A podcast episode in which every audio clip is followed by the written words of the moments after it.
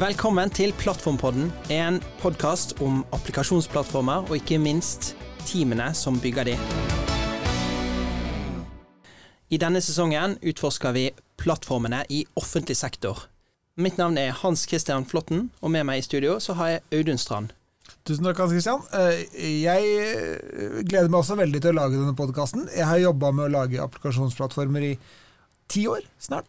Jeg tror at eh, det blir gøy å høre alle, hvordan andre organisasjoner også tenker rundt plattform. Helt enig, Audun. Jeg også har ikke like lang erfaring som deg, eh, og mye mindre erfaring fra Nav, men også virkelig dette her er så gøy. Eh, Jeg også er med i Nav og bygger denne plattformen som vi skal høre mye, mye mer om i dag. Men i dag har vi med oss to gutter som har vært med hele reisen, nemlig Jonny Horvi og Frode Sundby. Velkommen til oss. Tusen takk for det. Tusen takk. Kanskje dere kan si litt om dere selv, før vi begynner å snakke om eh, Nice? Absolutt. Det kan vi gjøre. Eh, Jonny Horvi heter jeg. Og jeg har, som du sa, Hans Christian, vært med, eh, vært med å bygge Nice siden, siden vi starta. Og vært i Nav-systemet lenge. Så vi har eh, alltid drevet med liksom, infrastruktur og syns det er gøy. Og prøver å liksom, tilby det til, eh, til eh, utviklerne. Så det er, eh, det er SAS. Mm. Frode Sundby heter jeg. Jeg har også vært med kjempelenge på den reisen her. Kom jo inn eh, sånn rett etter Jonny, et par år etter kanskje, hvor vi begynte ble med inn og så på den gamle applikasjonsplattformen vår, før vi etter hvert begynte å skjønne at Kubernetes var en greie. Så har vært med på hele reisen fra JBoss eh, til Kubernetes nå, da. Utrolig kult. Det er et forbilde, og jeg vet at det er veldig mange som eh, ser opp til dere, og det, som, eh, det utrolig gode arbeidet som skjer i Nav. Men hvis vi begynner litt fra begynnelsen, da. Hva var det som fikk Nav til å tenke denne måten å bygge plattform på? Nei, vi har jo drevet med plattformer i Nav eh, ganske lenge. Eller at man har hatt et sånn eh, Man har hatt et skille mellom det som har vært plattform, og det som har vært liksom, utviklings, eh, utviklingsarbeidet som er blitt gjort. Og så har man jo gjort eh, alle feilene underveis. Så man har på en måte med det klart å bygge opp litt erfaring rundt hva funker og hva funker ikke. Og sett på ekte de konsekvensene som er da når man gjør det feil. Så det um, har man jo tatt med seg. Da. Eh, og det har vært liksom et, et ganske konsistent team underveis helt fra starten som har drevet med dette her og, og bygd det. Som har på en måte tatt med seg de erfaringene hele veien. Da. Så det er kanskje litt av det. Jeg kan jo si at Et forløsende faktor var eh, moderniseringsprosjektet i 2012. Ikke fordi at det gikk så himla bra, men eh, fordi det gikk så himla dårlig, egentlig. At eh, Det man hadde bygget opp der, det var jo en slags applikasjonsplattform hvor man hadde samla en måte for alle utviklingsteamene å få rulla ut applikasjonene sine på en standardisert måte. Og Det la jo grunnlaget for at man kunne jobbe raskere og mer effektivt, men organisasjonen var ikke klar for det. Og det som skjedde etter modernisering, var jo det at det var noen direktører som måtte ta noen hatter og gå en tur. Og da, lang, lang tur også? Lang tur, lang tur også, ja. Men det som kom inn, det var jo da noen uh, ny, nytt lederskap med noen uh, nye ideer om hvordan ting kunne gjøres. Og da var det mer den uh, at man hadde buy-in helt fra toppen på at Nav kunne jobbe på en annen måte. At man kunne være mer effektiv, at man kunne gi mer tillit til utviklerne mine, gi, gi dem mer ansvar. Og uh, med at utviklerne får mer ansvar og mer eierskap, så vil de også kunne jobbe mer effektivt og bedre. Og med det så hadde vi jo et godt grunnlag for å kunne begynne på neste generasjons applikasjonsplattform, som da var basert på Kubernetes. Så da eh, laget dere en spesifikasjon og satte den ut på anbud og hentet inn tilbud eh, og finne noen som skulle bygge den for dere? da? Helt riktig, jeg satt og skrev det som gikk rett på Doffin. Ja, um, nei, så i et, uh, altså, Den plattformen som vi sitter med i dag, da, Nice, den ble jo født i slutten av 2016. Var liksom, begynte man å tenke på det. Da hadde vi også blitt litt kjent med Audun, som hadde litt Eh, kom med noen friske tanker fra, fra Finn-systemet. Eh, Frode og jeg hadde akkurat vært på workshop med Kelsey Hightower. Og kjørte der Kubernetes til Hardway-workshopen der. Så vi var ganske vi var proppfulle av selvtillit og tro på det vi skulle til med å bygge og lage. Og, så det var på en måte eh, der vi starta med liksom en, eh, å bygge en plattform som var modellert rundt den nye måten Nav skulle jobbe på.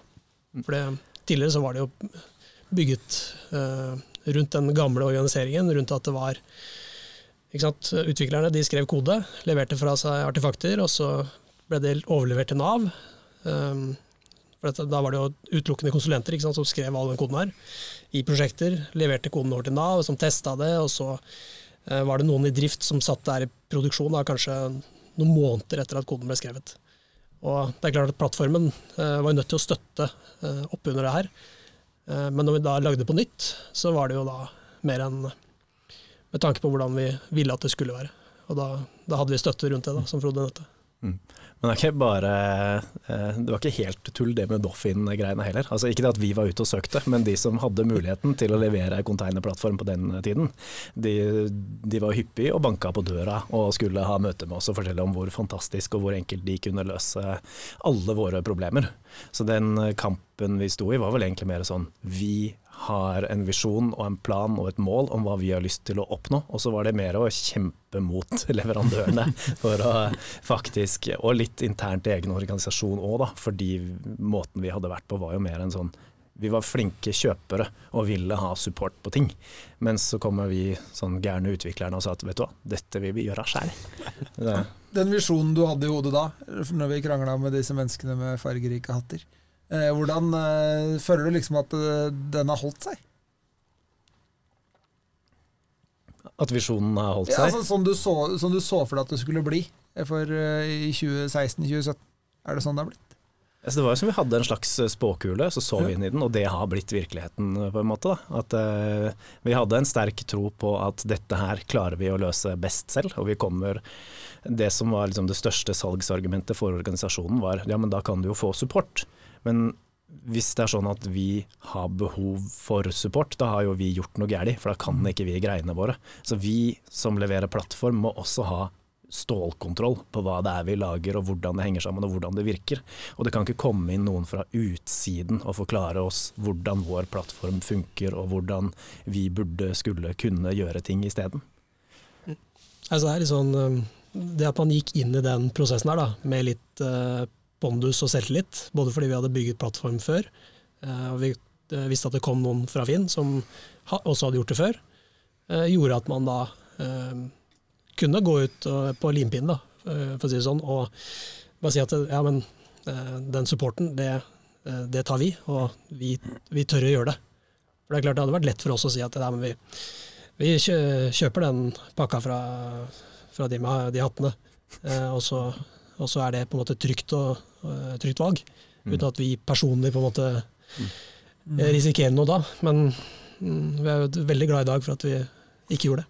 Og det var ikke noe, ja, angrer ikke på det. For det var jo det de fleste gjerne gjorde. Eh, veldig mange som gikk den ruten, eh, etter det jeg har forstått. Finne noe fra, som markedet leverte. Men nå har vi jo allerede vi har jo snakket mye om denne mystiske og kanskje litt sånn myteomspunne Nice-plattformen. Hvilke en av dere dras gjennom? Hva, hva, er en plattform egentlig? Er, hvordan, er, hvordan, ser Nice-plattformen ut i dag? Ja, så utgangspunktet for en applikasjonsplattform, da, sånn som vi, det, vår mentale modell rundt det, er det at um, utviklerne i Nav, uh, det vi ønsker at de skal bruke sin tid og energi på, det er jo uh, nettopp det å løse Nav-spesifikke businessproblemer. Og de er det massevis av. Uh, altså det, litt av det som er um, Kall konsekvensen av den nye måten å jobbe på. Det er jo at vi legger mer ansvar på teamene uh, rundt hele liksom, verdikjeden eller livssyklusen til applikasjonen. og det gjør at det er mye å forholde seg til. Alt, alt fra kjøretidsmiljø til nettverksting til sikkerhet til observability. Um, og alt dette her er jo det, det, er mye å forholde seg til. og For at det her skal gå bra og at det skal være sikkert, så, så, må de, så, må de, egentlig ha et bevisst forhold til det. Eh, poenget da med en applikasjonsplattform er jo nettopp da å uh, la disse tingene her, som ikke har noe med det Nav-spesifikke å gjøre, la det liksom forsvinne litt inn i bakgrunnen, mm. og bare virke i praksis da, for utvikleren, så at de kan ha mest mulig fokus på, på sin jobb. Og så er det på en måte en viktig uh, å understreke også at for en plattform at utvikler, utviklerne ikke føler at det er liksom en magisk knapp som du trykker på. De må fortsatt ha et visst forhold til det, men en plattform kan eh, være med å filtrere bort de tingene som de reelt sett ikke kanskje kan påvirke eller trenger å vite om. da. Men hvordan velger dere da mellom hva som er eh, magiske knapper, hva som må være litt eksponert, og hva som egentlig bare kan gjemmes? Det handler jo om, primært om de use casene vi legger opp til. Vi ser jo, vi ser jo mønstre i, de, i bruken av de tingene som, som vi tilbyr. Så det handler jo mye om å måte, prøve å forstå de use casene godt, for å klare å skille på hva som er relevant og ikke. da. Og eksempelvis så kan vi jo ta Kubernetes. da, At vi vet at det utviklerne bryr seg om er at applikasjonen kjører, og at den har nok ressurser til å kjøre. Og Da kan vi eksponere ting som at du kan skru på CPU og minne, fordi det er noe som du har et forhold til. Mens replikasettet replikassettet som du bruker, eller eh, hvordan den faktiske ingressobjektet ditt ser ut, det trenger du ikke vite så mye om. Du vil vite URL-en din, antall replikas og størrelser. Så da er det de tingene som vi eksponerer videre ut. Da. Så har vi skåna de for veldig mye Kubernetes spesifikt. Men er det, er det ikke ofte litt eh, ganske stort spenn da, i de utviklerne? Noen har vel lyst på å vite mye om hvordan ingressen funker, og vil egentlig at den skal funke på en spesiell måte, kanskje? Absolutt, og plattformen gjør jo at du kan Du trenger ikke å forholde deg til alle detaljene. Du kan, det holder å spesifisere en URL, og så er det det. Men hvis du vil eller trenger, så kan du grave deg inn Mm. og gjøre ting. Så det er Vi har tatt noen valg på hva vi mener er det viktigste, men vi har ikke begrensa mulighetsrommet til utvikleren allikevel. Men det vi ser også er at ehm, den eh, kategorien som du beskriver, da, som på en måte er den ekstremt eh, infrastrukturinteresserte utvikleren, som vi egentlig trodde at alle var. Ikke sant? Fordi vi er jo interessert i dette her selv. Vi syns jo dette er kjempegøy. og jeg husker når vi liksom satte opp det her fra starten, så var det sånn Dette her er jo helt fantastisk utrolig. Herregud, så mye natt. Altså, altså det å eh, forestille seg at noen andre ikke var interessert i det, det, det er jo det er kanskje en av de tingene som har lurt oss litt på en måte i en årrekke. Vi har tenkt og trodd måte, at veldig mange, eller at eh, utviklerne i snitt da, har vært mer interessert enn det de kanskje i virkeligheten er. At det er litt mer sånn at de, de vil at det her skal funke, og så er det selvfølgelig noen som på en måte er litt interessert. Um, Men jeg tror det store flertallet egentlig eh, ja, driter i det, rett og slett. Jeg er stort sett fornøyd med brød og smør, liksom. Altså, funker det, og de enkleste tingene. Får jeg kjøretiden min, får jeg lastbalansereren til å virke, ja, det er greit det.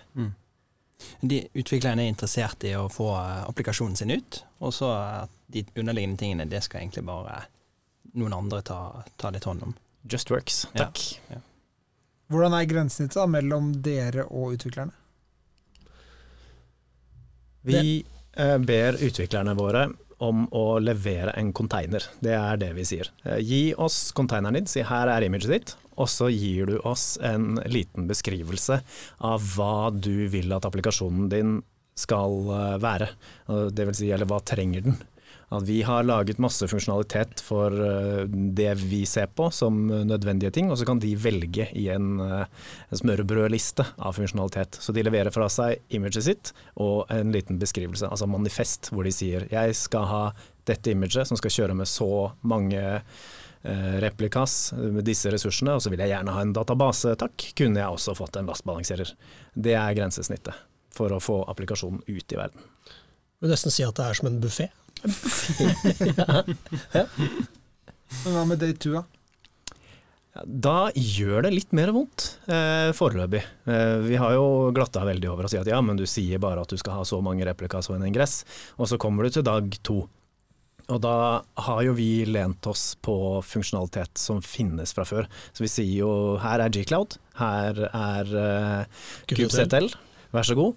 Her er namespacet ditt, og det har de jo aldri hørt om før. Hva er et namespace? Og så inni namespacet så finner de podder og services og replikasett, ingresser og database instance-ressurser, og det er massevis av greier som de aldri har sett før de deployer. Så det er jo, vi har lagt opp til at de må skjønne veldig mye på dag to. Og det er noe som vi eh, har lyst til å gjøre noe med. Fordi alt vi lemper over på teamene av sånne ekstra ting. Det er jo mental kapasitet som de må bruke på å skjønne et domene som ikke er applikasjonen deres. Så det vi kommer til å jobbe framover med, med framover, det er å gjemme bort, eller ikke gjemme bort, men i hvert fall ta bort de tingene som ikke er relevante, og gi de den informasjonen de trenger som er relevant for dem med en gang, uten at de må sette seg inn i det. Vi skal ikke fjerne muligheten for å gå inn i namespacet og se på ressursene, men vi vil i hvert fall for de som ikke trenger det, eller ikke har lyst eller behov, så skal de få den informasjonen de trenger uh, uten å måtte grave så mye, da. Men jeg antar jo at siden dette, denne podkasten heter Plattformpodden, så kan vi skrelle bort alle de som ikke har lyst til behov. Alle de som hører på, har veldig lyst og veldig behov. Uh, så hvis vi skal vise frem alt, hva, hvordan ser det ut inni? Hvordan er det lagd? Hvilke programmeringsspråk bruker dere? Hva er liksom arkitekturen? Sånn uh, Hvis du tenker nice uh, altså Hvis vi tar dag to, da. Ja. Sånn som det faktisk ser ut i dag, så er det jo så er det jo, som Frode sa, er, du må bruke G-Cloud uh, og logge inn med det. Du har, du har kubectl for ja, å se Jeg tenkte på uh, det dere har lagd. Altså Hvordan ja. ser nice ut inni? Ja, kjernen er jo et Kubernetes-cluster, og vi mm. bruker GKE for uh, hovedclusterne våre. Vi har noen clustere on-prem fremdeles også, som kjører på noen flatcar-noder. Men uh, når vi har clusteret på plass, så er det liksom båndpanna. Der har vi satt opp uh, nettverk, vi har satt opp lastbalansererne, og vi har satt opp litt sånn grunnleggende infra. Og så, på toppen av clusterne, så legger vi på det som vi kaller features. Det er det som gjør nice til nice, som at det er mer enn bare et Kubernetes-cluster. Da legger vi inn uh, alle de tingene som Jonny snakka om i stad, altså det som utviklerne ikke trenger å forholde seg til lenger, men trenger allikevel. De får observability, de får abstraksjoner for å sette opp databaser, de får bøtter ut av boksen, de får sitt eget uh, namespace og rettigheter og alle de tingene. Og alle operatorene som vi har bygget for å få kjøre disse tingene her, det er alt skrevet i Go. Vi har vel kanskje én eller to som er i Rust, men uh, Go er hovedspråket vårt. Mm. Hvorfor Go, egentlig? Det økosystemet rundt det vi holder på med, er jo veldig Go-tungt. Pluss at det er jo, det, i hvert fall for veldig mange av de som, som jobber på teamet, er jo jeg syns det er et veldig behagelig språk å skrive i. Mm. Så Det er i hvert fall mitt personlige go to-språk. Ja. Kom de inn med mye erfaring fra Go tidligere, de som er på teamet? Eh, Nei. Bitte litt, kanskje. Ja. Men uh, det meste er nok bygget fra ja, 2016 og fram til nå. Da. Ja. Det har jeg helt glemt å spørre om. Hvor mange er det på Nice-teamet i dag, og hvordan liksom organiserer man det arbeidet? Det kommer litt an på hvordan du regner, men sånn uh, Vi har delt opp teamet nå i tre grupperinger. Fordi vi er såpass mange at vi må prøve å gjøre noe for at ikke alle skal måtte forholde seg til absolutt alt vi driver med. Mm. Så der har vi kjerneteamet, som vi kaller det, som holder på da med selve Kubernetes, automatisering av infrastruktur, oppsett av nettverk og lastbalanserere. Og ja, kjerne Kubernetes, rett og slett. Og så har vi features-teamet, som vi kaller det, som er de som primært holder på med operatorene våre, og det som er mer utviklernært, det som treffer, treffer brukerne våre rett i fjeset.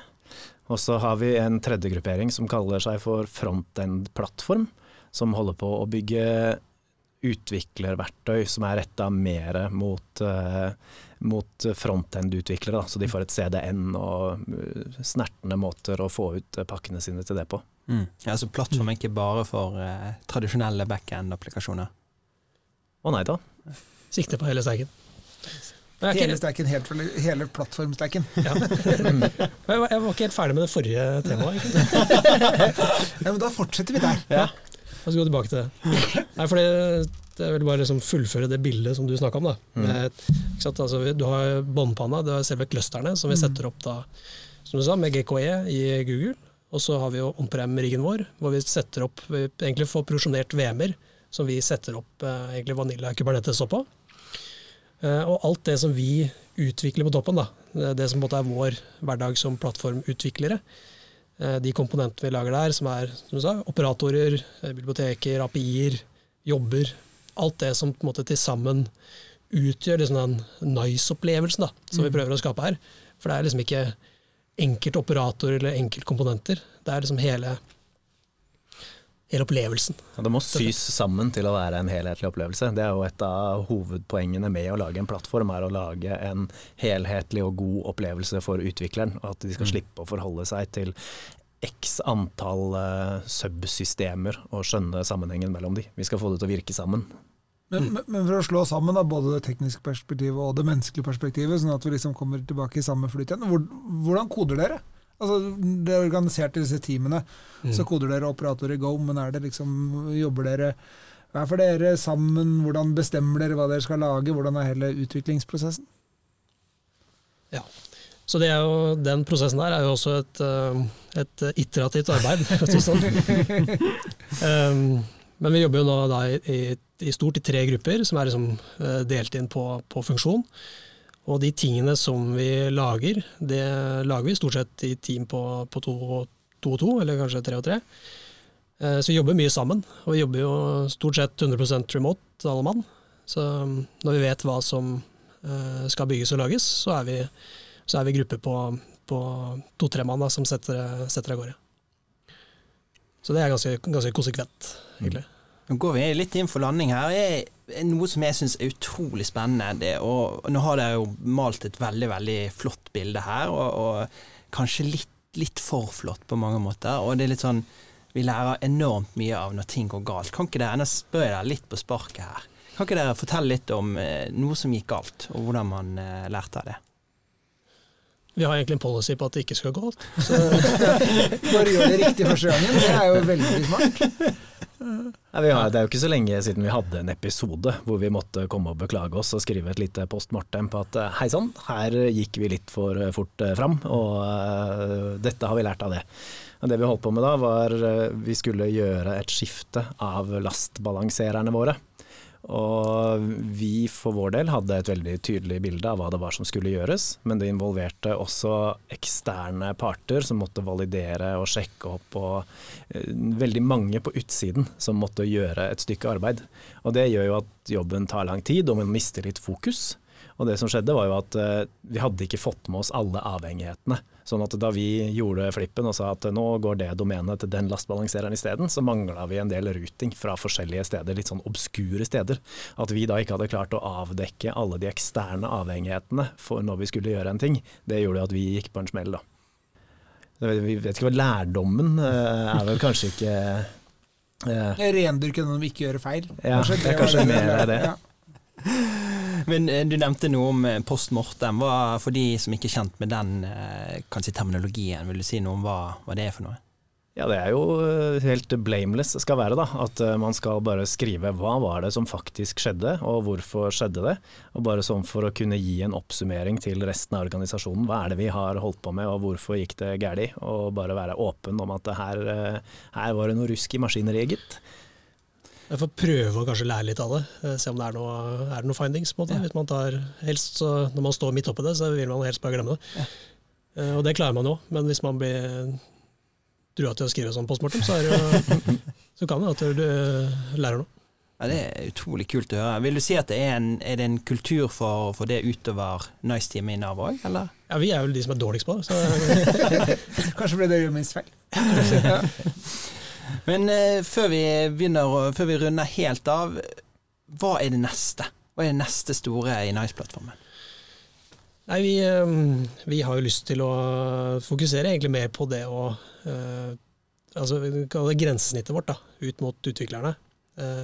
Vi har nå starta et arbeid rundt noe som vi kaller for Nice-konsollet. hvor vi tar sikte på å prøve å abstrahere bort mye av de detaljene som er uvesentlige, eh, og fremheve de tingene som er vesentlige og som er, er viktige, og at de har eh, et bevisst forhold til. Da. Så det er på en måte det å utvikle den videre og uh, få det til å bli bra, og få det til å bli en eh, flate for oss da, for å gjøre nettopp det. Det er en ting som, der det kommer til å skje mye. Adressere dag to, som du var inne på i stad. Liksom. At vi kan ikke nødvendigvis må utsette 400 utviklere for uh, hva er et replikasett. Nei, så? For eksempel, altså, hvis, hvis det er noe galt med applikasjonen eh, i dag, så, eh, så, så blir man eksponert for det eh, det den rå plattformen. Da, da er det Gcloud Auth login, eh, login mot Google. Eh, på med Nice Device, inn med kubectl, finne riktig kontekst, riktig namespace.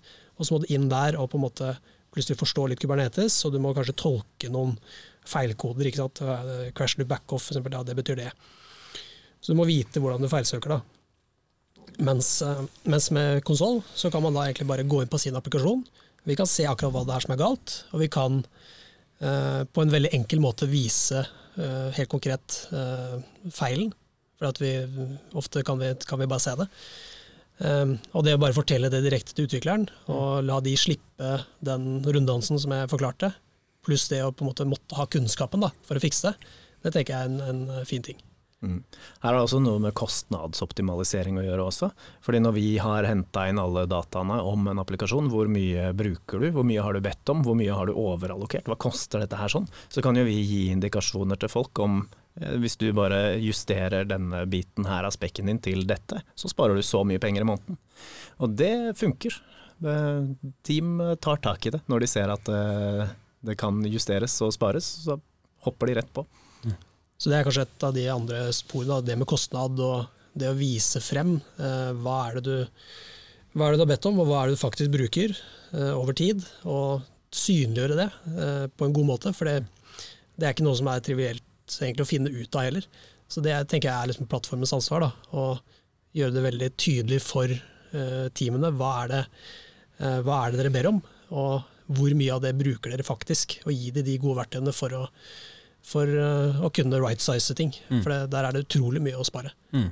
Og, og, det tror jeg ikke handler om at de ønsker å sløse, eller at det er noe altså, at de bare tar i. Det er rett og slett for at den informasjonen er godt, godt gjemt. da. Mm. Og så lenge ting funker, så har man ikke noe, noe insentiv for å gå og se etter heller. Mm. Så det å få det fram, og få det vist fram, det mm. tror jeg uh, man kan spare mye penger på.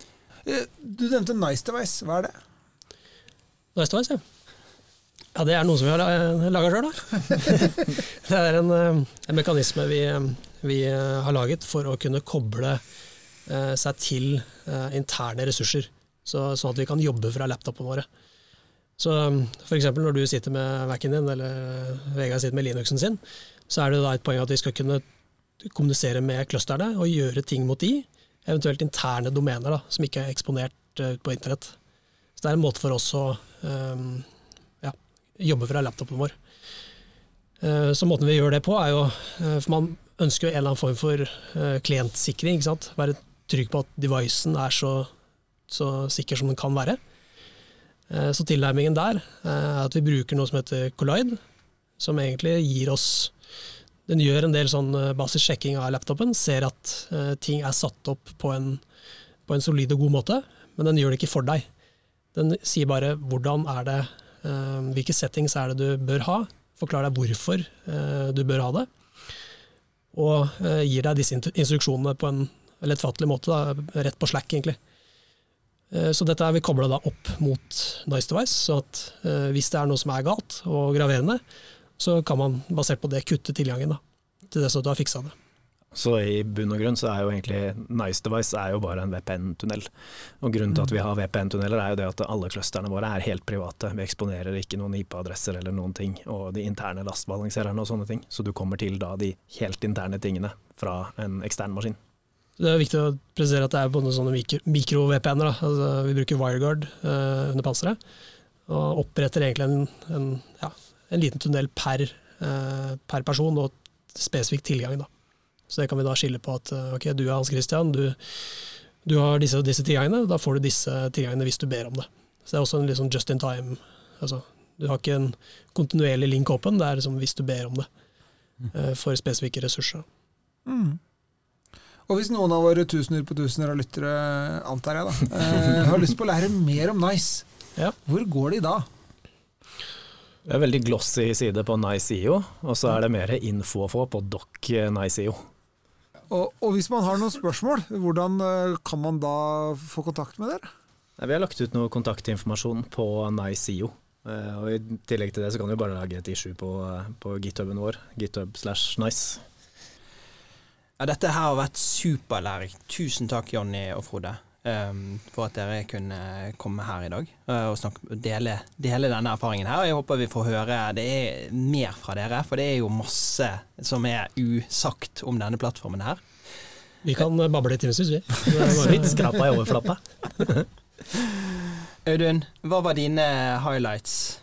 Det jeg føler jeg har lært dette, her, og som jeg fortsatt er litt skeptisk til, er at det finnes utviklere som egentlig ikke er interessert i hva som skjer nede i plattformen. Eh, det syns jeg er spennende å tenke på. Hva med deg, Kristian? Hva har du lært? Du, jeg syns det er utrolig gøy å høre dette som gjøres rundt konsoll, og ikke minst dette med kost. Hvordan vi kan eh, bruke pengene på en fornuftig måte.